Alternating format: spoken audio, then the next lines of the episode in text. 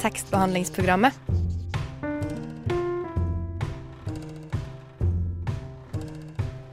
Tekstbehandling på radio.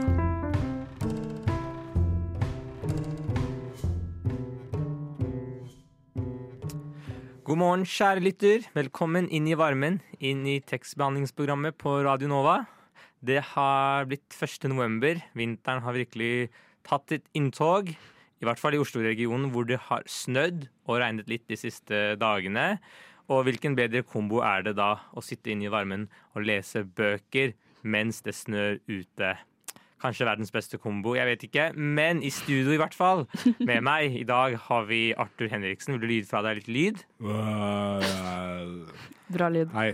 Det var Arthur hvis han var en Pokémon. Og på teknikk På teknikk har vi Maria Sharon. Maria Sharon. Pika, pika. Og meg, meg som sjefen i dag. Pikachu. Det er Pika Pika. Det er uh, Tayeb Ahmad. Kanskje det er en sending også. Litteratur fra Pokémon-verdenen. Er det noe Pokémon-dex og sånn? Det er mye. Faktisk så er det ganske mye law i Pokémon-universet, så det er verdt å tenke over. Er det Pokémon vi skal snakke om i dag, da? Eh, nei, fordi eh, Kanskje, hvis noen ser på Vel, vi skal snakke om hvordan folk tar eierskap til andre mennesker. Litt som hvordan Oi. i Pokémon-verden mennesker tok eierskap over små monstre. Fordi i dag er det en spesiell dag. Det er første sending med, i regi av min lille, men veldig ambisiøse bokklubb. Og i lys av det, så jeg en bokklubb som på en måte skal ta for seg selvbiografiene til ulike politiske figurer rundt omkring i verden. Eh, Både pga. litt gossip, litt eh, litterære kvaliteter, og komme litt nærmere på disse menneskene. Og Maria, hvilken bok har vi lest til i dag? Eller forsøkt å lese? Vi, vi har forsøkt å lese Nelson Mandela, 'A Long Walk to Freedom'. Og denne vitsen har jeg tatt mange ganger nå, men det var 'A Long Book to Read'. Det var det absolutt. Dessverre. Åtte gode 800 sider der, altså. Kanskje han forsøkte å liksom beskrive hvordan det var å være i fengsel ved hjelp av en bok. Det er en metafor. Ja. Men Boken er, å lese boken hans er en metafor for å sitte i fengsel. Det er et fengsel å lese den. Det er et eh, psykologisk fengsel Det skal man ikke å lese Long Walk to Freedom. Eh, Den skrev han faktisk i fengsel store deler av, eh, og den er en eh, veldig maksimalistisk eh, eh, biografi. Men uh, Maria, du skal få rante mer om den uh, snart, og også om Sør-Afrika generelt. Én, to, tre. P-R-O-G-A-M-A-M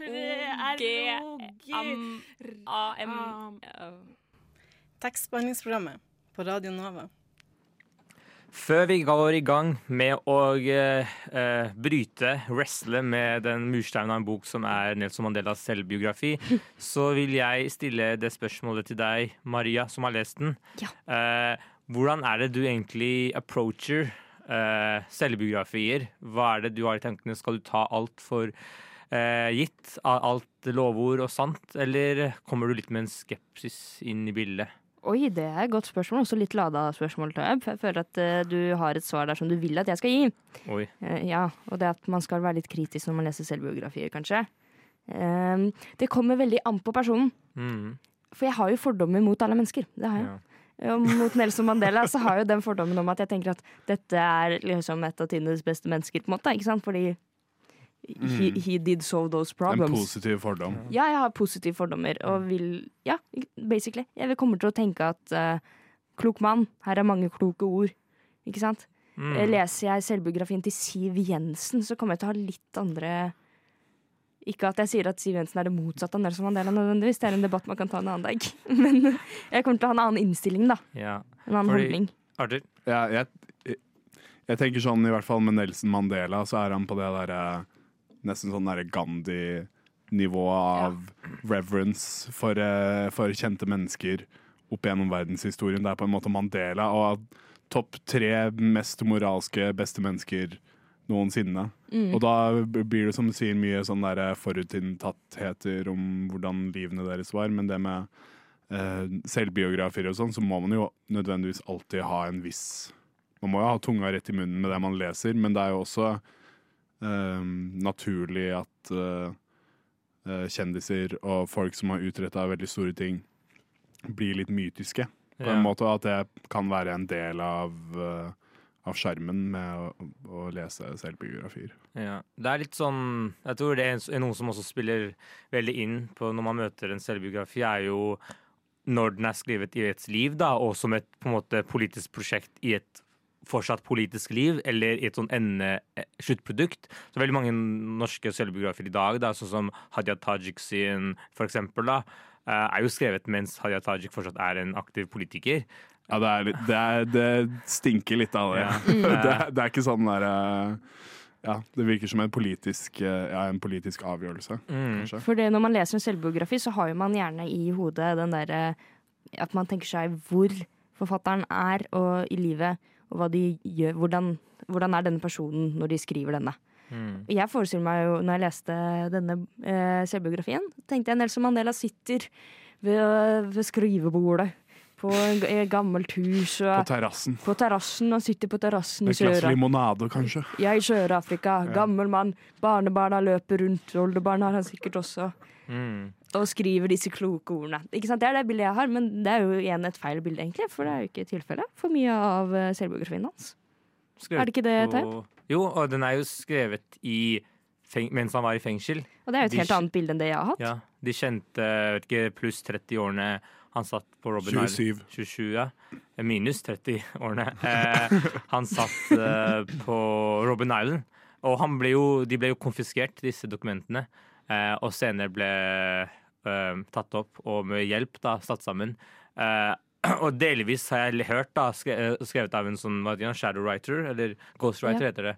Eh, selv om han også har tror, Må ikke legge, eh, ta bort for mye av at han også har vært mye bidragsytende til å skrive denne boka. Mm. Men når jeg møter selvbiografer, bare for å si min, eh, min posisjon Det er kanskje litt naivt, men jeg kommer med stor tillit. Jeg på en måte tror på det de Mm. fortelles. Om det er Siv Jensen eller om det Nelson Mandela, hvis vi skal bruke det eksempelet. Så på en måte vil jeg veldig tro at det er sannheten som blir fortalt. Og da kan det hende at jeg kanskje faller for noen um, eh, vet ikke, løgner. Eh, jeg tok ikke i Nelson Mandelas tilfelle, Nei. men i andre tilfeller hvor jeg har stor tillit til fortellerstemmen, rett og slett. Jeg tror en del av oss på en måte er for negativt innstilte til biografier. At, for at det blir alltid sagt når man leser en Å ja, man må ta det med en klype salt, og man må, holde, som jeg sa i stad, holde tunga rett i munnen. Men så er det sånn, hvorfor skal Nelson Mandela lyve i selvbiografien sin mens han sitter i fengsel, da, på en måte. Ja. Altså, alle, alle historier som blir fortalt av alle mennesker, har jo alltid litt spice. På en måte, Hver gang man gjenforteller en historie, så adder man alltid litt spice. Så det kommer alltid til å være det, men sånn ja. Jeg, jeg syns det er fint å bare sto Jeg synes det er en bra innstilling å ha, egentlig, Tayeb. Å bare liksom stole på det du leser. Mm. Og dette er jo et veldig langt liv. Det er a long, 95 år. a long walk to freedom, absolutt. Så jeg sitter jo ikke og tenker at her skal hver eneste handling, hver eneste skildring være helt, helt sånn. Tripp, trapp, tripp, trapp. Hvem er det som tramper på min bru? Det er bare tekstbehandlingsprogrammet. Da Velkommen tilbake, kjære lytter. Eh, inn i studio med meg, Tayeb. Eh, og så har vi også Arthur med oss. Vil du også gi fra deg lyd en gang til? Hei, det er Arthur. Hei, hei, hei, det er Maria. Du ba ikke meg om å gi fra meg lyd, men det gjorde jeg. For jeg er min egen kvinne. Yes. Nå skal vi Ja, flott at du står opp for dine rettigheter akkurat nå. Um, Det er i ånd med mannen vi skal snakke om. Slutt å prate! du er kvinne. Slutt å prate. om jeg, har, jeg har en veldig stor makt, Arthur, og det er denne makten her. Prøv å snakke nå. Nei, du får ikke snakke. Ikke sant? Jeg digger det. Jeg digger det. Eh, men eh, nå skal vi faktisk dypdykke inn i denne mursteinen av en bok som jeg har nevnt flere ganger nå. eh, 'Long Walk to Freedom'. Eh, og den starter hvor alle ting på en måte starter ved fødselen til Nelson Mandela. Den starter ved hvor han Alle vokser ting starter ved fødselen til Nelson Mandela. Ja, alle ting. Eh, nettopp. Ja. Begynnelsen av livet hans. og begynnelsen av livet hans. Eh, fine beskrivelser av oppveksten hans. Mm. Eh, og noen ting som jeg bet meg merke i, er at han egentlig sånn Selvfølgelig, han er jo en mørk eh, mann fra Sør-Afrika fra før og under apartheid-tiden, så han var ikke akkurat privilegert, men er litt privilegert likevel. Ja. Det er veldig interessant. Han eh, beskriver veldig godt og detaljert om eh, systemene i eh, eh, Kåsa Jeg kan ikke lage den Ja. som skal uttales som. Eh, sorry. Eh, men hvordan systemene der fungerer, med konger og rådmenn, og det er veldig eh, avansert, altså. Ja. For, for, min, for min del, som en veldig vestlig person som har veldig lite innsikt inn i sånne type miljøer, så var det veld, veldig, veldig interessant. Men som du sier, eh, familien har jo litt status. Ja, et lappeteppe av ulike folkegrupper med ulike språk. Ja. Som noen jeg kjenner igjen sånn zulu og sånt, fra, litt fra skolen og sånt, men, Mm. men mange som jeg ikke helt skjønner. Og alle disse på en måte opprettholder på en måte sin, sitt tradisjonelle system, Ja. men må på en måte bli aksept... Eller få approval fra Mm. myndighetene, da, som da styres da av engelskmenn på den tida der, eh, rett og slett. Eh, og faren til Nelson er også litt sånn privilegert, og Mhm. til lenge ganske godt inn kanskje i barndommen hans fortsatt har, et, eh, har en stilling, Mm. eh, men faller litt eh, ut eh, fra den stillingen. Og plutselig så blir Nelson sin familie veldig fattig, og faren også ryker. Eh, Eller omkommer, kan man også si. Da. Faren ryker. sorry. Synger på den siste vers. Blette røyk han. Han gikk bort. Beklager. Han daua. Men det er litt gøy scene hvor eh, han ligger Og jo, skal jeg fortelle den? Det er litt så rart at han har tatt med det. Men han, han ligger og har er Eller er han ligger og har i smerter, og alle skjønner at nå er det de som de siste timene. Og så ber faren om å få røyke pipen sin, Ja. og så røyker han en siste sånn uh, trekk, og så ferdig. Men det. Han, Baller. Men, good way to go, I guess. men det som også skjer når faren eh, omkommer, er jo at uh, familie Moren tar med da Nelson og Pipa. eh, Pipa og familien til eh, en annen, eh, en annen landsby, en annen by. Eh, Plutselig er Søren Nelson en helt uh, Aner ikke hvor han er. Og helt nytt liv. Han får jo også navnet Nelson. Ja. Av en, er det ikke en skolelærer? Jo, For Nelson er ikke navnet hans. det er noe vi har, burde ha nevnt med en gang. Det er oss skitne hvitinger som driver og kolonialiserer Ja. resten av verden. Unnskyld meg, snakk for deg selv. Mm. Jeg gjør i hvert fall det. Ja. Men uh, Og noe annet som jeg også bet meg veldig merke i denne oppveksten, er jo at uh, moren er jo såpass fattig at øh, hun ser seg rett og slett nødt til å gi Nelson til noen andre. Mm. Så Nelson blir jo faktisk øh, adoptert Mm.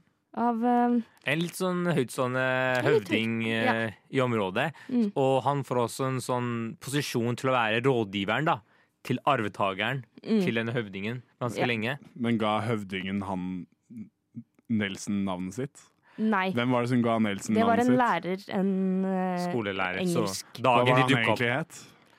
Det klarer vi ikke å uttale, dessverre. Vi er litt for uh, ikke Ja, beklager. Men han får jo flere navn. Han får jo et annet navn igjen av denne Ja. høvdingen, gjør han ikke det? Jo, jo. Det er Det- mange navn ute og går. Det er mange navn ute og går. Han går jo også på mange forskjellige skoler Mm. og lærer engelsk og den vestlige levemåten. Og jeg syns det er veldig interessant hvordan denne slags dualism, dualismen i livet hans mellom det vestlige og afrikanske går veldig, veldig tydelig frem i undervisningen. Har du funnet navnet, Ja. Jeg kan, jeg kan, prøve, jeg kan prøve meg. Ja. Uh, uh, Rolil Hlala. Rolil Hlala. Ha- Ja, han har jo egentlig da et navn på, Hlala. på sitt eh, Rolil morsmål, Hlala. som betyr noe. Mm. Det var et litt sånn tongue twister. Mm. Ja. Men eh, eh, Beklager, jeg bare ble litt obsessed med navnet. Rolil-Hlala. Men eh, han går jo da på flere skoler som er vestlige og engelske. Eh, og så, så er det et sted hvor han begynner på et internat. Mm. Er det ikke det? Mm. Og der er det en hendelse som jeg bet meg veldig merke i. Hvor han da forteller at han har både hvite og svarte undervisere. Lærere, rektor. Det er veldig forskjellig. Men, eh, men de, de mørke eh, underviserne og lærerne, de er alltid underlagt de hvite. Men så er det en Sjokk. hendelse Ja, sjokk. Apartheid. Hva er det egentlig? Eh, så er det en hendelse hvor eh, en eh, mørk lærer står litt opp for står litt opp mot en, hvit lærer og viser en slags autoritet. Og, jeg- tror det er et sånn slags vendepunkt i Nelson, hvor han da er typ 16 år. Mm. som var veldig interessant. Jeg har et sitat med meg, for jeg tenkte jeg skulle ta en side fra Taib sin bok og bare lese et kjapt lite sitat før vi tuter videre. Og det er eh, i, i denne hendelsen så skriver han avslutningsvis at han ikke visste, eller aldri før hadde sett, that a black man did not have to defer automatically to white, however senior he was. Det er liksom sånn, Han har på en måte blitt opplært som han har vokst opp Han skriver også selv det at eh, i oppveksten sin så så han eh, veldig få hvite, men han vet fremdeles uh, den her slags automatically defer Han skal automatisk gi seg etter til de hvite. Mens Mm. nå, 16 år, så er det liksom første gang jeg ser at det ikke nødvendigvis er tilfellet. Ja, det er så mange sånne hendelser i oppveksten hvor han liksom ser at ting ikke trenger å være ha det rigide hierarkiet. da. Mm. Hvor noen ganger så blir så på en måte sitt, eh, er eh, de mørke ikke på sin plass, da. Mm. Si fra eller um, Og det er litt interessant at det, han ser tilbake på det i retrospekt som på en måte små frø, da. Mm. Er det sånn moralsk intern kamp med han, på en måte? Forsø bli, må, bruker han liksom tid på å komme til konklusjonen, eller er det veldig tydelig fra starten av at han er i opposisjon mot systemet?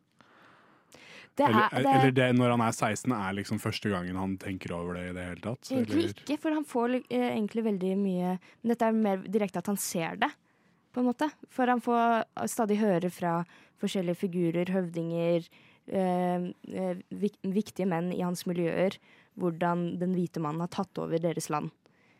Men for han er dette bare ord. Det er ikke, Ja, okay. det er ikke ekte, på en måte. Så han er en kritisk tenker, altså, kan man si, fra ung Det er han absolutt. Ja. Og det er noe jeg bet meg merke i tidligere, er at han at han eh, senere refererer til når han var så naiv når han var liten. Fordi han trodde, og jeg tror veldig mange unge barn som vokste opp i hans miljø, også gikk på disse skolene, tenkte at den hvite mannen hadde en sånn opplysende rolle i Sør-Afrika som de ble fortalt hadde. Og på en måte, det ble på en måte akseptert, og så får man mm. se at eh, mørke, høystående menn på en måte gjør motstand også, og at det blir litt sånn kollisjon, kolli- kollisjonskurs. Men han vokste opp definitivt opp med å tro at eh, engelskmenn og afrikanere, da, eh, de nederlandske, nederlandske etterkommerne, hadde en opplysende rolle overfor de mørke i eh, Sør-Afrika. Siri, Jeg er din ja. assistent. hører du på tekstbehandlingsprogrammet?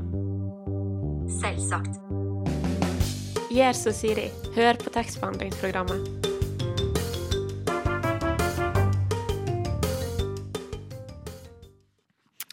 Vi har nettopp eh, eh, hørt på eh, hvordan Nelson Mandela gikk eh, mellom skole og internat og eh, universitet.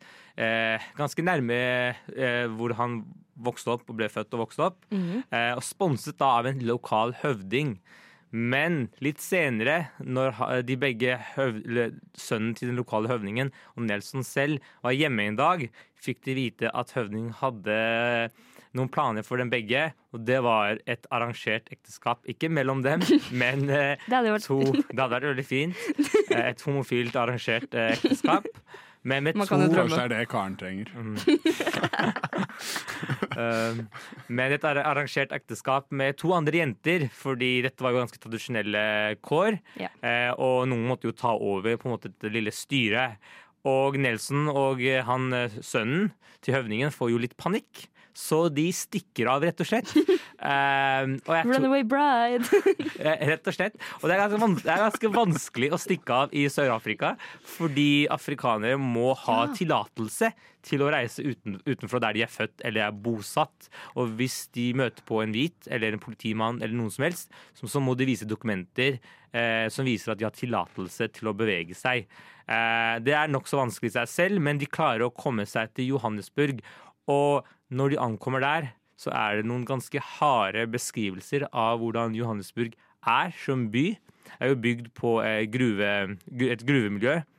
Mm. Og da får jeg helt eh, sjokk, fordi hvordan Jeg føler de visste det her.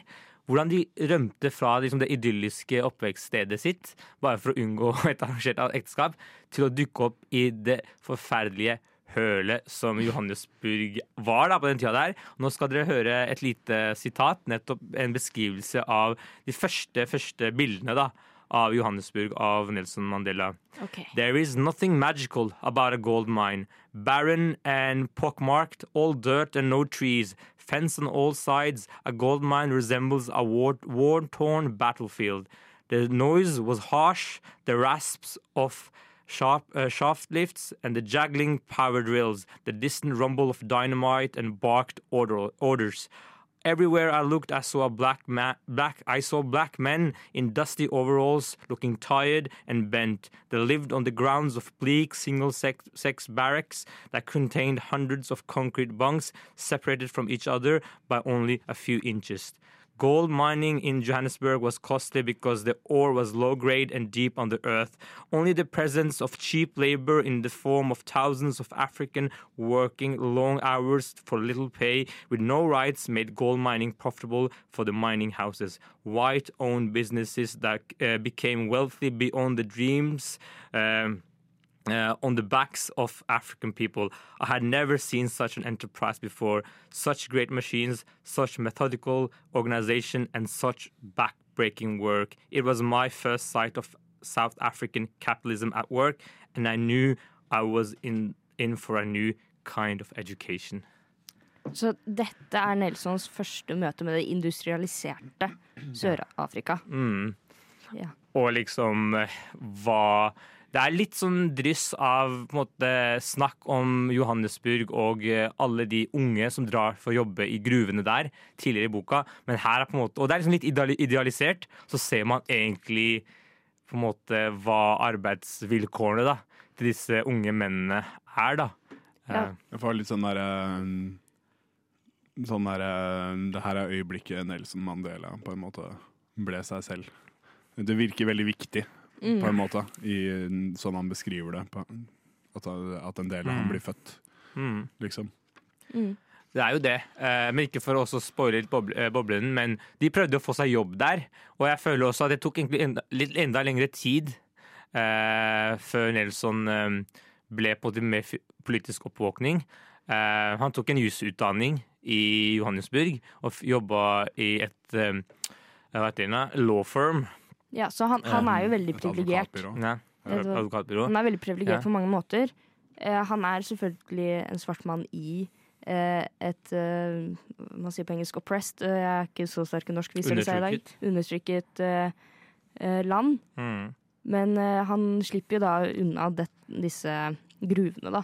Ja. Han får muligheten til å ta seg Han en er, ikke, han er ikke working class, Ja. liksom. Selv Da hadde han ja. ikke klart å jeg vet ikke, kom seg til den politiske posisjonen sin. Mm, Hvis han Ja. var eh, en av de dudesa som bare var stuck i gruvene. ja. Det er to ting da, i boka som han beskriver som ganske eye-opening. Jeg kan si tre, da, fordi han jobba faktisk når jeg jobba i advokatfirma, så var det en liten kommunist, og det er veldig mange sør svarte sørafrikanere som var litt kommunister fordi ANC, som det heter, African National Congress, som ble liksom det politiske partiet, det var ikke så organisert, og det var veldig sånn dårlig, eh, dårlig organisasjon. Som ikke Ok. hadde noen styring på akkurat den tida. Noen tiår senere så ble det litt mer organisert, og Nelson Mandela ble med i det. Men så var det veldig mange som ble med i kommunistpartiet i Sør-Afrika. Eh, og da jobba han med en kommunist der som på en måte sa masse sånn eh, hva skal jeg si, lovord da, om eh, motstandskamp og sånt, som Nelson Mandela tok til seg. Men det var to andre hendelser som på en måte fikk han til å åpne øynene. og Det var en streik på nettopp de minene som jeg snakket om nettopp, gruvene, Mm. eh, som eh, ikke ledet til noe, men det var over sånn to, 200 000 arbeidere som streika, da. 200 000. Ja, det var et helt insane eh, Ja. tall. Insane, ja. Eh, Ja. Og også Nummer to var også at En annen ting er også at Sør-Afrika var, eh, var jo segregert, men også segregert på flere nivå. Man hadde hvit eh, helt øverst, så man hadde indere og folk fra det indiske subkontinentet lett under dem. Og så hadde man afrikanere, mørke. Så indere og folk som hadde opphav fra det indiske subkontinentet, som hadde blitt henta derfra, hadde litt flere privilegier, privilegier, privilegier, Privilegier. privilegier Ja. enn en afrikanere. Men de ble også tatt bort etter hvert. Og da så han at inderne de protesterte. Og da fikk han det til sånn derre Å ja, fordi afrikanere gjorde ikke så mye. Eh, De var tilfredsstilt da, med sin på måte underdanige situasjon. Så han ble veldig inspirert av de mer privilegerte inderne, som nå idet de mista sine privilegier, eh, gjorde motstand. Eh, Ja. Som også var en eye-opener for Nelson, da. For de er jo de, de som da var fra India, var jo da mer klar over eh, hva slags rettigheter de egentlig hadde, da. På en måte. For de blir jo frarøvet dem. Ja. Så det er Mm. veldig interessant at han rett og slett ser at noen som er over ham, mister sine rettigheter Mm. og kjemper for å få dem tilbake. Og at det liksom er hans drivkraft. Det er veldig, veldig interessant. Mm. Jeg har lyst til å ta et siste sitat, og det er litt senere i, um, i livet, hvor han har blitt en organisasjonsmann i ANC, National, African National Congress. Men her er de da hvor de blir tatt med i et fengsel, i, ganske, i en sånn um, krisesituasjon, hvor, eh, hvor myndighetene arresterer alle som gjør motstand over lav sko. Og han er jo en av de høystående på den tida. Eh, og de blir eh, satt inn i et fengsel da, som skal få beskrive hvordan de blir møtt da, med myndighetene. We were, we were soon moved to Johannesburg prison, popularly known as, for, as the fort, a bleak castle-like structure located in the, on the hill of the heart of the city. Upon admission, we were taken to an outdoor uh, rectangle and ordered to strip completely in line up against the wall. We were forced to stand there for more than an hour, shivering in the breeze and feeling awkward. Priests, professors, doctors, lawyers, businessmen, men of the middle and of an old age who were normally treated with uh, deference and respect. Despite my ang- uh, anger, I could not suppress a laugh uh, as I uh, as I scrutinized the men around me. For the first time, the truth about the aphorism "cloth make the man" came uh, came home to me. If fine, bo- if fine bodies and impressive physique were essential to being a leader, I saw few of us among were qualified. Da Nelson Mandela var i fengsel, eh, så hadde han et dikt som han resiterte eh, flere ganger. Og det var på en måte et dikt for eh, han for, å, for at han skulle holde haka høyt. For å gi han motivasjon og inspirasjon. Um, og dette diktet eh, heter Invictus. Invictus. Invictus. Invictus. Hva betyr det? Eh, det betyr eh, uovervinnelig, på en måte. Eller Mm. eh, unconquerable. Eller, Mm. ja. Ja. Um, og dette diktet ble skrevet av uh, en herr eh, William Ernest Henley. Dere har lest diktet. Yes, det har vi. Og jeg vil gjerne gi litt info om uh, Mr. Henley. Mr. Handley. Miss, Mr. Henley. Eh, He was British, man. Yes, Han var en engelsk poet. Han, eh, slet hele livet med tuberkulose. Og måtte som følge av det amputere det ene beinet sitt da han var 20 år gammel. Oi. Um, Uten painkillers og antibiotika, ja, det, må, det var ikke antibiotika, men definitivt uh, painkillers, tror jeg. Noe opiater eller noe Ja. Milk of the Poppy. Se som alkohol. Ja, da Henley i 1903 døde av tuberkulose, uh, hadde hans poetkollega dette å si om han. He has the bodily horror of the dwarf, with the dwarf's huge bust and head and shrunken nether limbs, and he also he has also the dwarf malignity of tongue and defiant attitude towards the world at large. Så eh, enbeinede William Ernest Henley var eh, et skue å beholde, ifølge poetkollegaen hans uh, Wilfrid Blunt. Jeg vet hva, Nå heter Wilfred Blunt. Unnskyld, jeg tror ikke noe Du høres ut som en dårlig kompis, Wilfred. Skjerp deg. Han uh, unnslapp så vidt amputasjon av sitt andre bein, Jesus. og uh, under eh, eh, under rekonvalesensen hans så skrev han altså Invictus fra sykesengen. Um, eh, og jeg skal lese det siste verset i diktet nå, som jeg føler er Det er et veldig bra, et veldig bra vers. Um, It matters not how straight the gate, how charged with punishments the scroll. I am the master of my fate. I am the captain of my soul. Um, og jeg føler jo at eh, de linjene der blir veldig potente, med tanke på at han bokstavelig talt drev og hoppa gjennom viktoriansk England på Ja, ett bein. på et bein, ja. Med et nesten amputert eh, annet bein. Og, man, og det her handler jo om Nelson Mandela. Eh, Og liksom Det er jo veldig tydelig at det her er et sånt dikt som kan gi motivasjon og mm, beskrive sånn Å, jeg er så uovervinnelig, og hvordan Ja. Ja. Hva, dere har jo lest diktet, dere også. Er det Ja. noe dere har lagt merke til? Det aller første jeg tenkte var når jeg leste dette diktet Jeg visste ikke når dere ba meg om å lese dette diktet, at det var et som hadde stått Nelson Mandela nært. Mm. Mhm. Mm, Men eh, så mitt første innfall var at jeg tenkte at ok, dette er en av de Gir det mening om jeg sier dette er en av de elementære diktene? Gir det mening? Altså, jeg har noen dikt i universet som jeg ser på som kanon, oh, ja. som jeg tenker at dette her er dikt som alle skal le lese i løpet av sine liv. Ja. Dem, eh, og jeg føler at denne her eh, faller veldig godt inn der, hvis det gir mening. Og det har ikke noe å si om det er bra eller dårlig eller hva nå enn, men at den bare omfavner noe så elementært ja, eller sånn, ja, og, eller sånn og essensielt. Ja. universelt. Universelt. Ja. Ja. Hvis det gir mening. Mm. Det jeg tenker når du sier det der med det, med det elementære Jeg tenker også at det er et dikt som på en måte Hvis alle kan lese engelsk og forstå engelsk, da hvis, måte, Eller så er mulig å oversette betydningen av det diktet her, så ligger det så nærme det på en måte Det menneskelige Det er sånn som når man ser på himmelen når det er helt mørkt og man ser masse stjerner, det er det euforiske, da.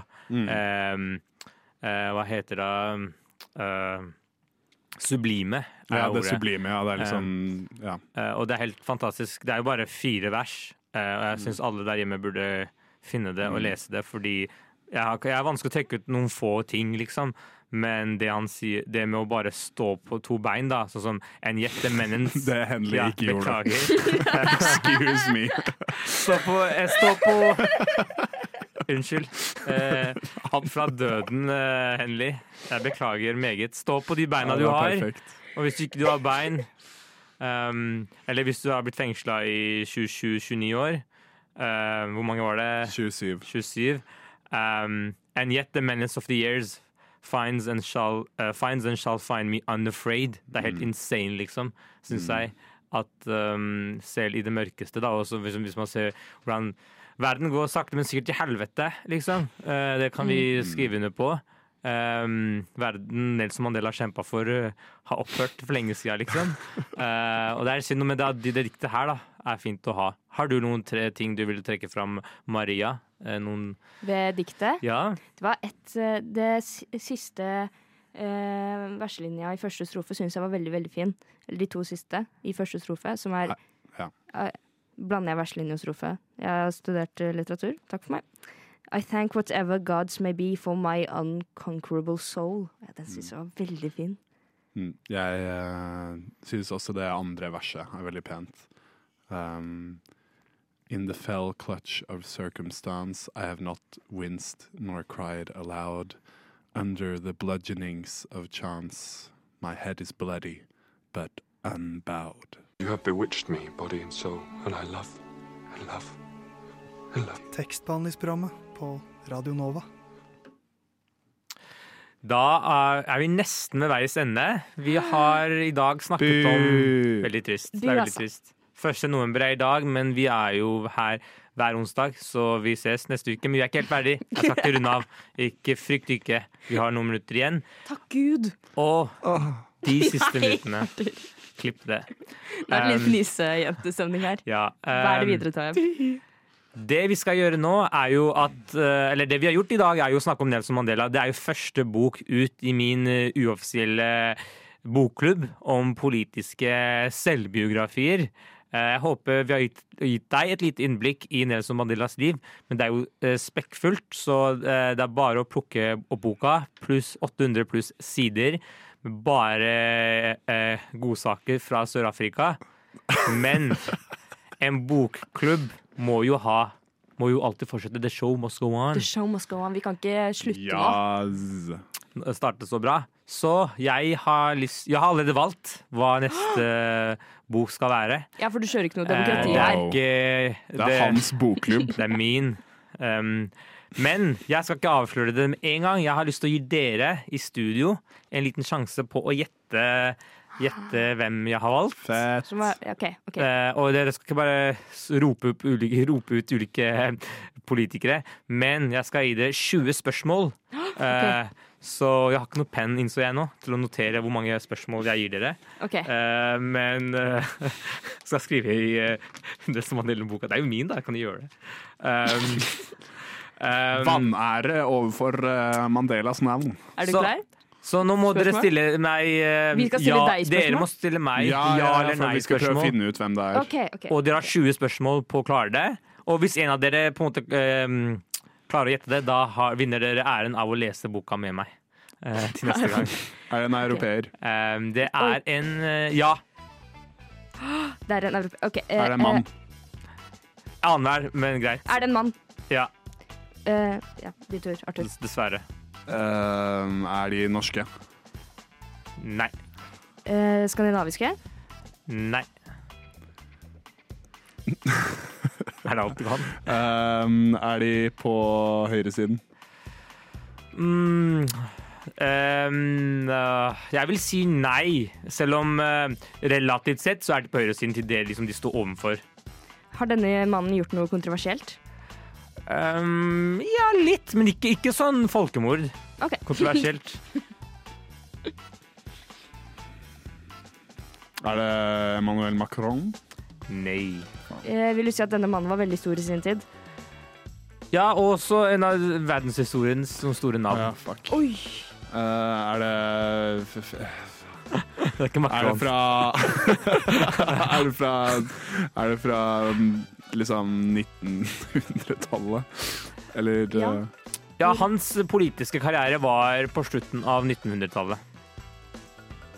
Slutten av Er det Gorbatsjov? Nei. Men det brenner litt. Og vi er i Russland! Uh, Nei, men jeg tror ikke det er, Det er ikke din Russland. Er det Jo, vi er i Russland, vet du. Vi er det.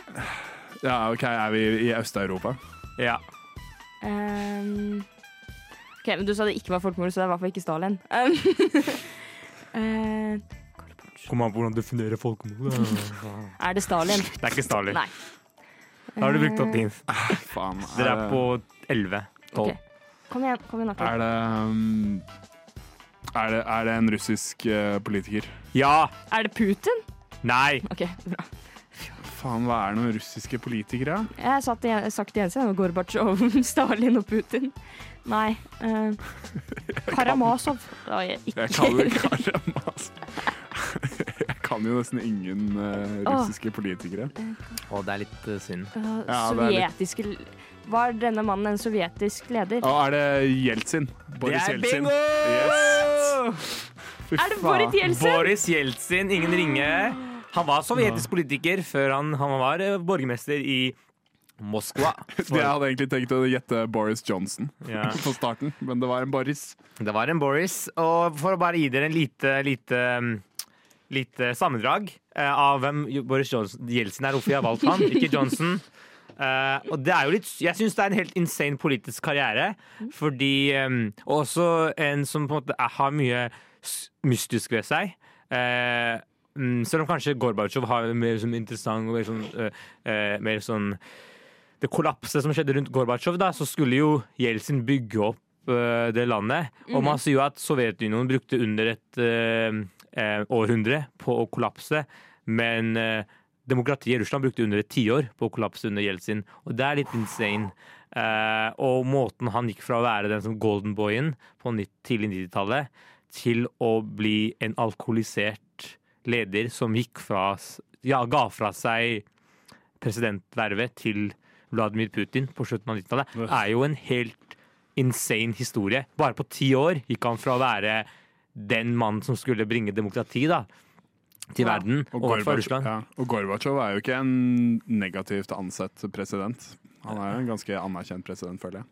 Jeltsin, mener du? Nei, Gorbatsjov Ja, ja, men liksom at han følger opp, Gor eh, Ja. følger opp Gorbatsjov, skal han være enda bedre, og så er Ja. han helt for Ja, så bare kollapser alt, og han Jeltsin er jo en av de Man skulle tro at han var mer likt, men folk har et helt sånn, sånn nesten helt ambivalent forhold til han. Så derfor har jeg valgt å ha han. Han har skrevet to bøker.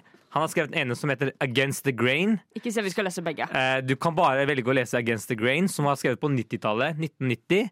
Men han har også skrevet noe annet som heter The Midnight Diaries, som kom opp i 1999. År 2000. Det er litt sånn Og det er liksom, jeg synes det er helt insane, fordi Den første boka er kanskje det har optimismen hans, og så ser man egentlig hvordan alt kollapsa. Hvordan han fikk disse mørke, mørke mennene rundt seg, oligarkene, til å, um, til å um, presse han ut da, fra presidentevne. Mm. Men nok om det. Uh, jeg tror uh, nå at uh, jeg har ikke mer å si. Jeg har, jeg har litt mer å si. Har du Og det? det er dette blir jo en fremtidig sending i TBP. Ja. Vi har heldigvis for dere kjære lyttere sending hver eneste onsdag Det har vi. Fra 10 til 11. på Radio Nova. Og hvis de ikke kan høre på oss fra 10 til 11 på onsdager på Radio Nova, hvor ellers kan de høre på oss? Nei, du kan jo høre på oss på Spotify Uh. eller på Apple Podcast. Alle steder der du hører podkast. Det er helt sjukt. Det er vilt.